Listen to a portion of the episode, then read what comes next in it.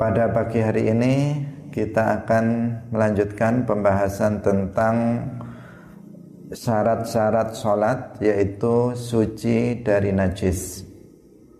Mari kita ikhlaskan niat kita lillahi ta'ala. Qala al-muallif rahimahullahu ta'ala wa nafa'ana bi'ulumihi fid dharain faslun Wa min syuruti salati at-taharatu anin najasati fil badani wa thawbi wal makani wal mahmuli lahu. Fa in laqahu najisun aw laqa thiyabahu aw mahmulahu batalat salatuhu illa ayyulqiyahu halan aw yakuna ma'fuwan anhu kadami jurhihi Faslun utawi iki iku fasal suci Wa min syuruti sholati lan iku setengah sangking piro-piro syarate sholat. At-taharatu utawi sesuci anin najasati sangking At-taharatu utawi suci anit taharati sangking eh, anin najasati sangking najis. Fil badani eng dalam badan wa bilan pakaian wal makani lan panggonan wal mahmuli lan kang ten kawa lahu maring wong. Fa in laqahu mongko lamun ngenani ing wong apa najisun? Tegese wong kang salat apa najisun najis Aula ka utawa ngenani apa najis thiyabahu ing pakaiane wong kang salat au mahmulahu utawa barang kang den gawa kalian wong kang salat batalat mongko batal apa salatuhu salate wong.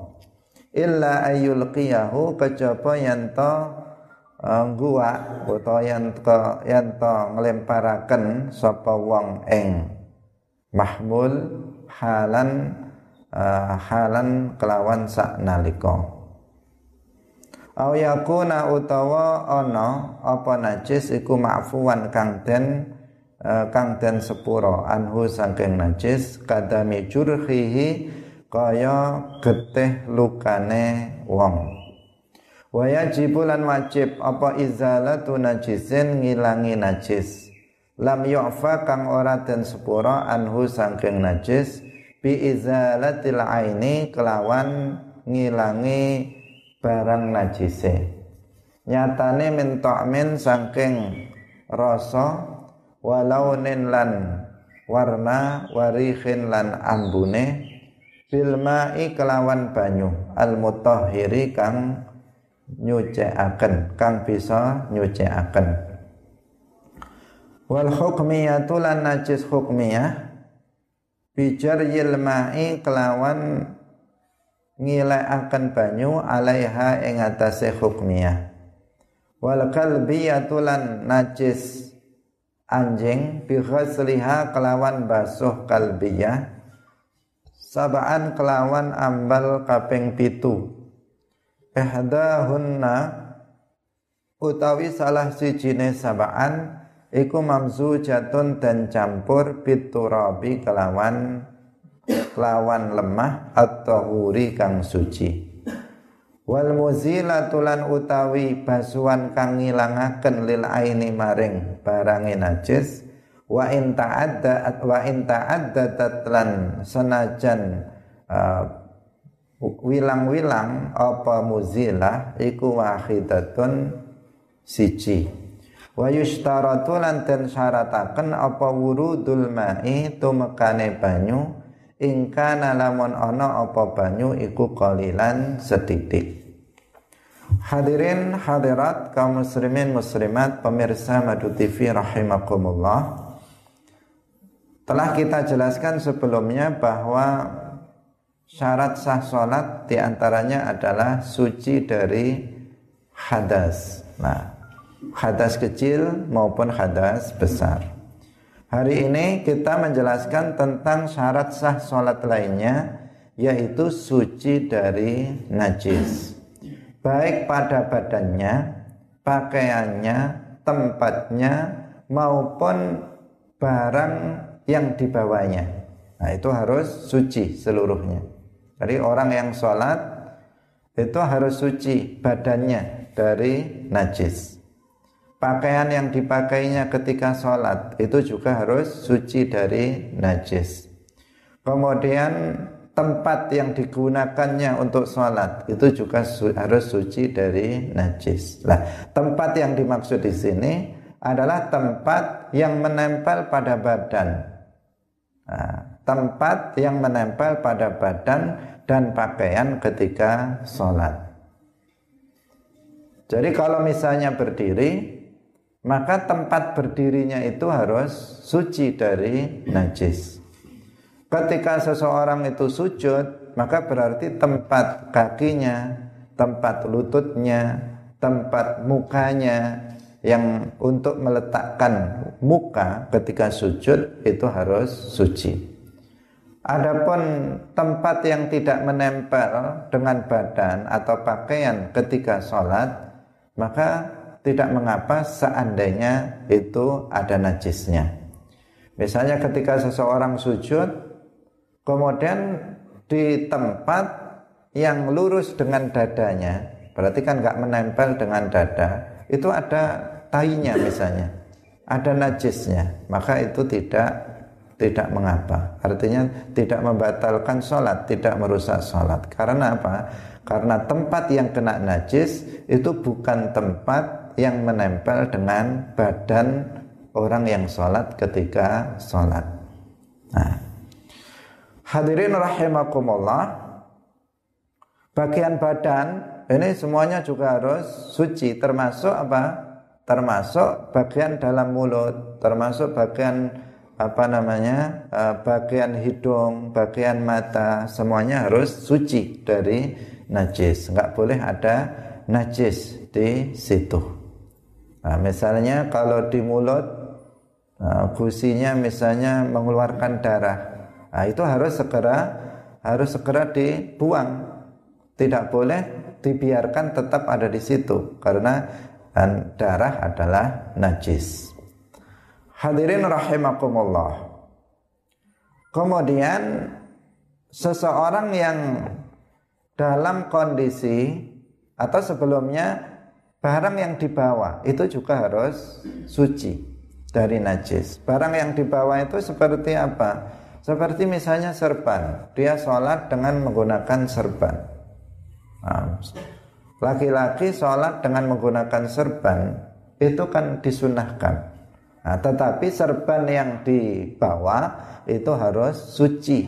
Nah, suci dari najis. Enggak boleh serban yang misalnya terkena kencing kemudian dipakai untuk sholat nggak bisa. Atau kopiah yang dikenakan. Nah, kopiah ini juga memakainya juga hukumnya sunnah. Nah, ini juga harus suci dari najis. Kemudian juga barang-barang yang dibawa di sakunya misalnya pulpen atau misalnya botol. Nah, yang dibawa di sini juga harus suci kalau misalnya pulpennya tadi kena kencing misalnya, maka nggak harus disucikan dulu baru dibawa. Kalau pulpen yang tadi kena kencing misalnya, terus kering terus kemudian dibawa di sakunya, maka nggak sah nanti sholatnya karena ada sesuatu yang najis yang dia bawa. Jadi di sini apa? Badan pakaian, tempat dan sesuatu yang dibawa seluruhnya harus dipastikan suci dari najis agar sholatnya itu sah. Karena syarat sah sholat adalah suci dari najis dalam uh, dalam empat hal itu, yaitu badan, pakaian, tempat dan sesuatu yang dibawa.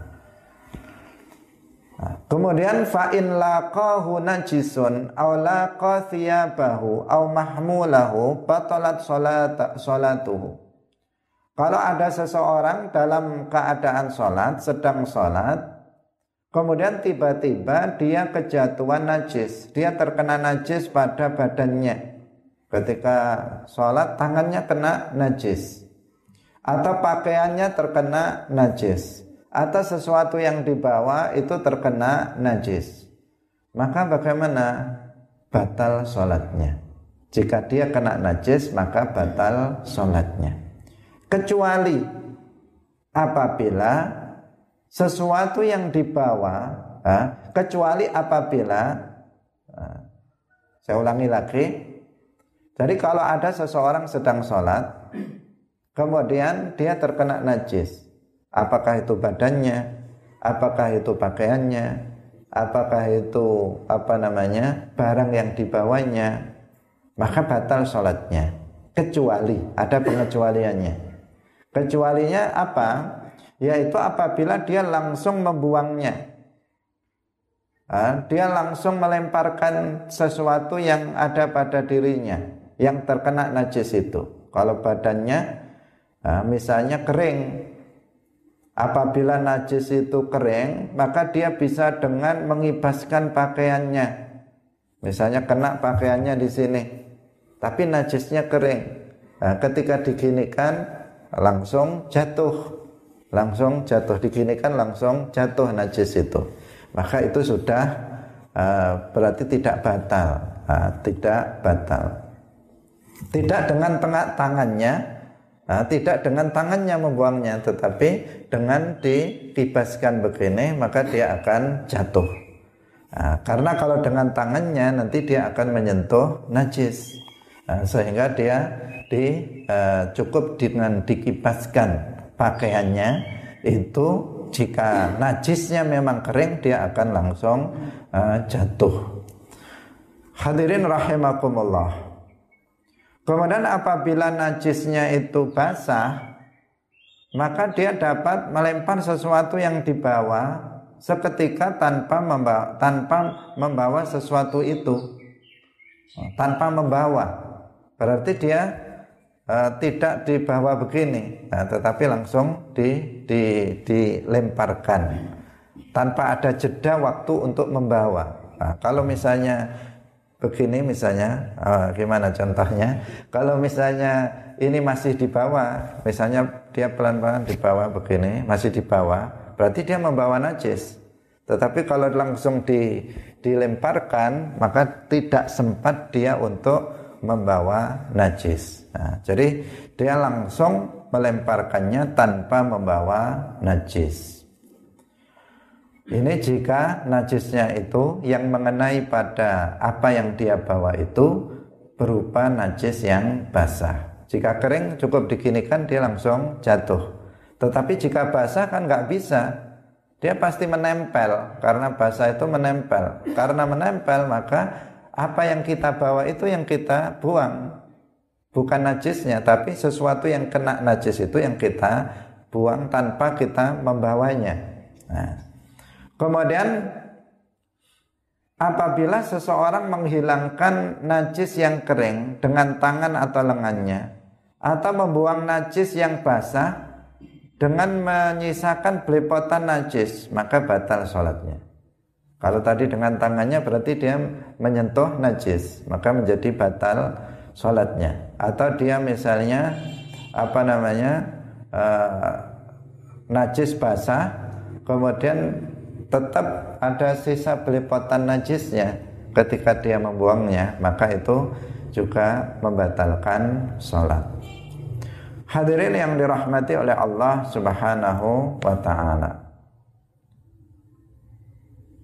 Au yakuna ma'fuan anhu kadami jurhihi. Dikecualikan juga apabila yang mengalir itu adalah darah luka atau yang najis yang baru datang itu adalah najis luka. Maka di sini eh, apa namanya dikecualikan, artinya tidak batal sholatnya. Nah, najis yang dimaafkan. Najis yang dimaafkan itu di sini seperti kadami jurhihi, yaitu darah lukanya. Misalnya seseorang sedang sholat, tiba-tiba ada yang eh, membacoknya misalnya tetapi lukanya ringan misalnya sehingga keluar darah dia masih bisa melanjutkan sholatnya. Nah, maka di sini eh, darah luka dia sendiri itu hukumnya makfu dimaafkan. Tapi jika uh, dia terkena darah orang lain luka orang lain maka ini tidak dimaafkan. Jika luka dia sendiri maka itu dimaafkan. Nah, meskipun darahnya itu misalnya banyak uh, meskipun darahnya itu sampai mengalir melumuri pakaiannya itu dimaafkan apabila itu adalah darah luka dia sendiri bukan darah luka orang lain. Nah, hadirin yang dirahmati oleh Allah Subhanahu wa taala. Nah, ini dimungkinkan pada masa lalu uh, seperti misalnya Sayyidina Umar bin Al-Khattab beliau dibunuh oleh uh, Abu Lu'lu'ah ketika beliau sedang sholat. Nah, Abu Lu'lu'ah ini sengaja mempersiapkan diri untuk membunuh Sayyidina Umar bin Al-Khattab radhiyallahu anhu. Dia sholat di belakang Sayyidina Umar yang menjadi imam. Ketika orang sedang sholat, dia tiba-tiba mengeluarkan pisaunya dari dalam uh, pakaiannya. Kemudian uh, ketika beliau beliau sedang sholat, Sayyidina Umar sedang sholat, langsung di, ditusuk oleh uh, Abu Lu'lu'ah ini. Nah, ini kan dimungkinkan terjadi yang seperti itu. Makanya di sini dijelaskan. Nah, kalau darah itu adalah darah luka dia sendiri, maka ini maafu, dimaafkan. Hadirin yang dirahmati oleh Allah Subhanahu wa taala. Kemudian wajibu izalatu najisin lam yu'fa anhu bi izalatil ain min ta'min wa launin wa rihin bil ma'il mutahhir. Kemudian kalau kita terkena najis pada pakaian atau badan atau barang yang kita miliki itu terkena najis atau tempat kita itu ada najisnya maka kita wajib untuk menghilangkan najis itu Nah, cara menghilangkannya bagaimana? Sesuai dengan jenis-jenis najis. Dari sisi ini, najis itu dibagi menjadi menjadi dua, yaitu najis ainiyah dan najis hukmiyah. Nah, najis ainiyah adalah najis yang masih ditemukan benda atau sifat-sifat najisnya. Itu namanya najis ainiyah. Jadi najis yang masih ditemukan bendanya, benda najisnya itu masih ditemukan. Misalnya kalau kalau tai ya benda tainya itu masih masih ada. Kalau kencing ya masih terlihat cairan kencingnya itu masih ada. Atau sifat-sifatnya, baunya masih ada, rasanya masih ada, warna najis itu juga masih ada. Maka najis yang seperti ini namanya najis ainiyah. Nah, najis ainiyah. Yang kedua namanya najis hukmiyah. Nah, hukmiyah itu hukumnya masih hukumnya najis itu ada tetapi barang najisnya sudah nggak ditemukan lagi. Jadi dia masih najis tetapi apa? Tetapi tidak ditemukan lagi benda najisnya ataupun sifat-sifat najis itu. Bendanya nggak ada, warna bau dan rasanya sudah nggak ada lagi. Maka hukumnya itu adalah najis, tetapi uh, tetapi sudah tidak ditemukan lagi barang najisnya. Nah, misalnya di tengah misalnya di tengah apa namanya aula ini ada tadi ada anak kecil yang kencing di sini. Nah, kemudian sudah dilap misalnya, sudah dilap. Kemudian setelah itu beberapa saat kemudian tidak lagi ditemukan, sudah nggak ada uh, air kencingnya, bau rasanya juga nggak ada, warnanya nggak ada, udah nggak ada, nggak ditemukan di situ ada najis. Kalau seandainya ada orang datang ada orang datang tanpa mengetahui kalau di situ ada najis, maka dia akan mengatakan di sini nggak ada najis. Nah, tetapi kita yang tahu bahwa tadi ada yang kencing di situ, kita tahu bahwa di situ najis. Karena apa? Memang nggak ada, nggak ditemukan najisnya lagi. Maka yang seperti ini, najis yang seperti ini namanya najis hukmiyah. Nah, najis hukmiyah. Nah, bagaimana tata cara untuk mensucikannya? Tata cara untuk mensucikannya itu berbeda antara najis ainiyah dan najis hukmiyah. Apabila najis itu adalah najis ainiyah, maka cara menghilangkannya adalah dengan cara membasuhnya dengan air yang suci dan mensucikan sampai hilang benda dan sifat-sifat najisnya.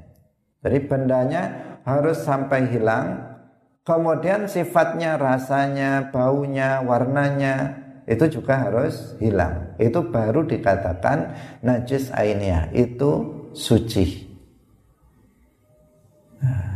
Ini kalau apa? Najis ainiyah. Jadi uh, dibasuh dengan air yang suci dan mensucikan.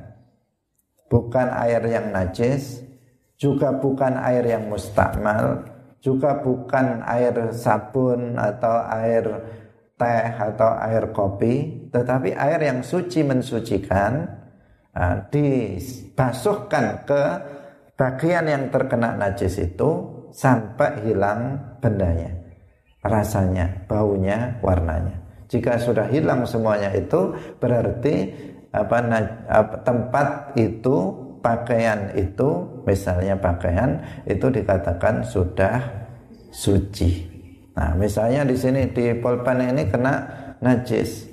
Nah, maka bagaimana dibasuh dengan air suci mensucikan sampai hilang benda najisnya. Rasanya baunya, warnanya sudah nggak ada lagi. Maka ini namanya suci, sudah suci lagi. Nah, kalau misalnya pakaian yang terkena najis, najis ainiyah misalnya, maka di sini di, dibasuh dengan air sampai hilang bendanya sudah nggak ada lagi, bau, rasa dan warnanya sudah nggak ada lagi. Maka pakaian itu dikatakan sudah suci. Nah, Hadirin rahimakumullah. Kemudian yang kedua adalah najis hukmiyah. Bagaimana cara mensucikannya? Cara menghilangkan najis hukmiyah itu bagaimana? Yaitu dengan satu kali mengalirkan air yang suci mensucikan ke tempat najis itu. Jadi kalau tadi kita katakan kita contohkan di tengah ini ada najis. Tapi najisnya hukmiyah karena sudah kencingnya air kencingnya sudah nggak ada lagi, bau, rasa dan warnanya nggak ada lagi. Maka bagaimana biar tempat itu suci? Cukup kita siram satu kali. Kita ambilkan gayung misalnya, ambil air atau satu gelas air, disiramkan di tempat itu, maka tempat yang terkena najis itu, maka itu sudah menjadi suci. Nah, demikian juga kalau misalnya pakaian kalau misalnya serban ini terkena terkena air kencing misalnya, nah, kemudian sudah nggak ada lagi bendanya, rasanya, baunya. Udah cukup disiram satu kali dengan air, itu sudah air yang suci mensucikan, maka itu sudah menjadi suci. Karena bendanya sudah nggak ada. Kalau bendanya masih ada berarti ainiyah, itu dengan cara apa? Menghilangkan benda dan sifat-sifatnya. Tetapi jika sudah nggak ada, memang sudah nggak ada, cukup dibasuh satu kali, dialiri air satu kali sudah cukup. Karena memang sudah nggak ada lagi benda dan sifatnya. Tapi jika ada masih ada benda dan sifat-sifatnya, maka dibasuh sampai hilang benda dan sifat-sifatnya tersebut. Itu bedanya itu. Nah, bedanya seperti itu. Antara najis hukmiyah dan najis ainiyah. Maka bagi khususnya bagi yang mencuci pakaian, nah, ibu-ibu yang sering mencuci pakaian atau bapak-bapak juga yang mencuci pakaian misalnya, maka di situ harus memperhatikan najisnya itu najis apa yang kena kita mencuci pakaian itu kan alasannya bermacam-macam. Kenapa dicuci pakaiannya? Karena kotor. Bukan karena najis, karena kotor. Pakaian dipakai seminggu kan belum tentu najis. Misalnya saya pakai pakaian ini. Meskipun saya pakai seminggu, ini nggak najis.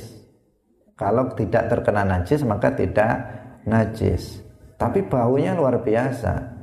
Seminggu masanya dipakai. Baunya luar biasa. Tetapi kan nggak najis itu itu kan bau keringat tetapi tidak najis maka kalau nggak najis bagaimana kalau nggak najis ya uh, terserah kita mau mencucinya itu disucikan disiram atau pokoknya dihilangkan baunya di sabun saja. Misalnya di sabun tidak dibilas pun tidak masalah karena sabun juga suci. Sabun juga suci misalnya. Nah itu itu apa?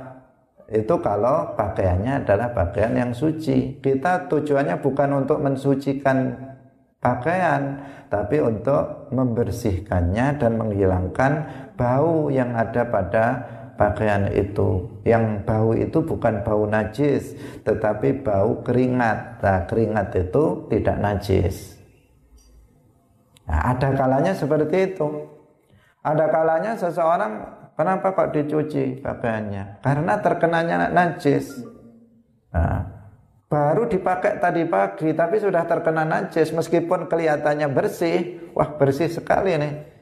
Masih uh, setrikaannya juga masih uh, masih terlihat, baunya juga masih wangi, tapi terkena najis. Nah, berarti ini disucikan karena apa? dicuci karena najis. Maka di sini harus memperhatikan tata cara menghilangkan najis. Kita lihat pakaiannya najis, najis yang uh, yang ada pada pakaian itu najis ainiyah atau najis hukmiyah.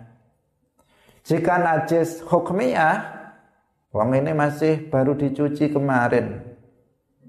Ini masih bersih. Kalau itu najisnya apalagi hukmiyah cukup disiram sekali saja eh, nggak usah dikucek-kucek, nggak usah diapakan, disiram saja tempat yang pakaian bagian pakaian yang terkena najis, nggak harus semuanya disiram, tetapi yang terkena najis saja disiram sedikit, udah nggak ada masalah, sudah suci.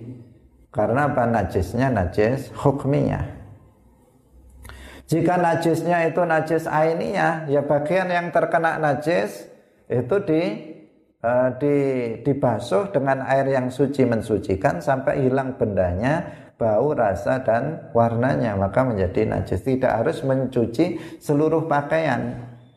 Seandainya pakaian itu baru dicuci tadi, baru kering, disetrika, eman-eman ini mau dipakai lagi misalnya. Ya bagian yang kena najis itu saja yang apa namanya disucikan yaitu dengan cara menghilangkan benda najisnya dan sifat-sifatnya. Jika hukmiyah malah lebih enak lagi, tinggal disiram saja. Nah, itu. Tapi jika dua-duanya udah kotor, najis lagi, maka di sini perlu kerja keras, nah, kerja keras untuk uh, untuk mencucinya, nah, untuk kerja keras untuk mencucinya. Karena apa? dia harus uh, menghilangkan bau, dia harus menghilang, menghilangkan kotoran, dia juga harus menghilangkan najis dengan cara yang sesuai dengan ketentuan syarat. Nah, ketentuan syarat yang sudah kita jelaskan tadi, kita lihat najisnya apa, termasuk jenis najis ainiyah atau termasuk jenis najis hukmiyah. Nah, ini harus betul-betul memperhatikan. Orang yang mencuci pakaian harus betul-betul memperhatikan. Nah, ini digunakan untuk sholat. Nah, misalnya dia mencuci mencuci untuk istrinya atau untuk uh, untuk suaminya mencucinya untuk apa namanya untuk keluarganya anaknya maka dia harus apa namanya uh, dia harus mencucinya dengan benar karena kalau dia tidak mencucinya dengan benar, kemudian ternyata pakaian itu masih najis, maka apa yang terjadi? ya tidak sah sholatnya. Suaminya sholatnya nggak sah. Anak-anaknya sholat dengan pakaian itu nggak sah. Gara-gara istrinya bodoh tidak tahu bagaimana mencuci pakaian. Dilihat memang mengkilat memang bersih uh, setrikaan necis kalau pakaiannya. Tetapi ternyata nggak sah orang memakai pakaian itu untuk sholat. Gara-gara apa? Gara-gara pakaiannya itu najis meskipun bersih. Karena bersih itu belum tentu suci. Nah, dan kotor itu belum tentu najis. Ada yang kotor tetapi tidak najis. Lah syarat sah sholat itu adalah suci suci dari najis bukan bersih bukan bersih dari kotoran. Karena ada sebagian orang alasannya dia nggak sholat itu alasannya apa? Alasannya dia di sawah misalnya. Kenapa kamu nggak sholat? Saya masih sibuk di sawah. Kotor pakaian saya kotor. Kok nggak sholat? Kotor pakaian saya. Nah, kotor nggak masalah. Kalau misalnya kita memakai pakaian ada tanahnya di sini misalnya kotor, pakaian kotor, digunakan untuk sholat boleh apa enggak? Boleh. Secara hukum sah selama tidak najis. Nah, tanah itu bukan najis itu kotor, bukan najis. Yang najis itu air kencing, misalnya tai, tai siapa pun itu najis. Kemudian darah, nanah misalnya itu najis. Nah, tetapi kalau kalau apa tanah itu tidak najis. Tanah itu tidak najis. Kalau misalnya pakaian kita penuh lumpur, kemudian kita sholat dengan pakaian yang seperti itu, maka itu tidak masalah. Nah, ini ini penting karena sebagian orang awam itu menganggap sholat itu pakaiannya harus harus bersih dari kotoran. Nah itu memang ya etikanya kalau kita sholat etikanya ya memang kita memakai pakaian yang kalau bisa yang putih kemudian yang bersih dan seterusnya. Nah itu etika. Tetapi dari sisi syarat sah itu harus suci bukan harus bersih dari kotoran. Karena itu hadisnya itu adalah atuhuru syaturul iman. Nah, suci itu adalah bagian dari iman.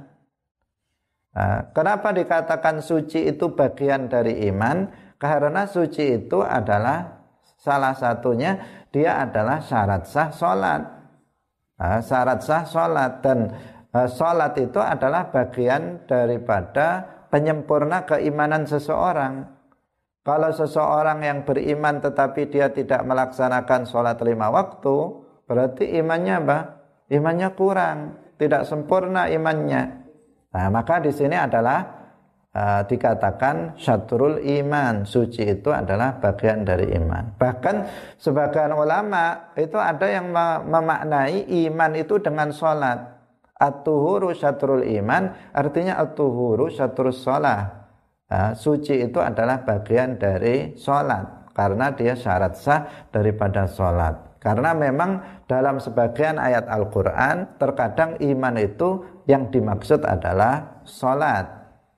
Nah, hadirin rahimakumullah. Jadi bukan bersih itu bagian dari iman. Meskipun ada uh, makalah, uh, perkataan-perkataan yang ditempelkan di sebagian dinding-dinding atau di jalan dikatakan an-nadhafatu minal iman tetapi ini sebenarnya tidak sabit, nah, tidak jelas perawinya siapa ini. Nah, dari sisi uh, wurudnya, apakah ini benar hadis dari Rasulullah? Ini tidak tidak sabit dari Rasulullah.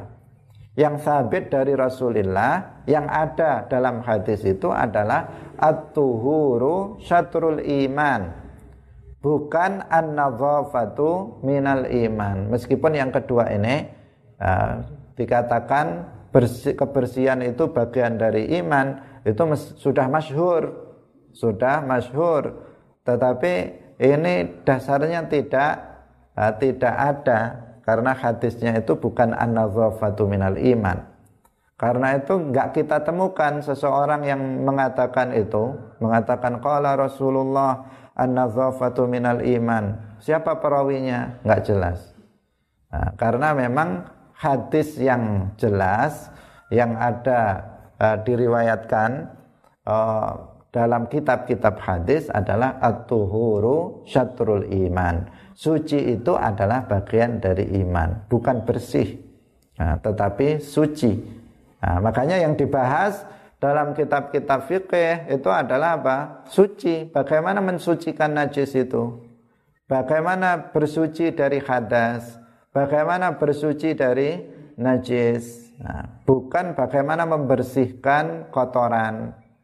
Nah, karena ada sesuatu yang kotor tapi nggak najis. Misalnya apa? Misalnya ingus. Nah, ingus yang keluar dari hidung ini itu kotor dan menjijikkan tetapi tidak najis. Misalnya ludah yang sudah keluar Nah, kalau masih di dalam itu uh, bersih. Nah, tetapi ketika dia sudah keluar itu kan menjijikkan, tetapi tetap suci. Hukumnya tetap suci. Nah, hadirin rahimakumullah. Nah, terkadang ada rumah bersihnya luar biasa, mengkilat sampai bisa untuk digunakan bercermin karena bersihnya. Tetapi tidak suci. Kenapa? Karena pemilik rumahnya nggak paham bagaimana cara mensucikan rumahnya. Tadi dikencingi malah diratakan misalnya. Misalnya di situ ada kencing malah disiram di situ. Disiram udah siramnya nggak tuntas lagi. Nah, sehingga apa? E, merata ke seluruh rumah bersih tetapi tidak suci misalnya. Nah, di tempat-tempat misalnya di sebagian tempat orang-orang orang-orang non muslim itu bersih-bersih tempatnya tetapi belum tentu suci karena dipastikan pemilik uh, tempat itu tidak memahami bagaimana cara mensucikan uh, mensucikan najis. Bagaimana cara menghilangkan najis mereka tidak memahaminya. Nah, hadirin hadirat rahimakumullah. Kemudian yang berikutnya adalah najis kalbiyah.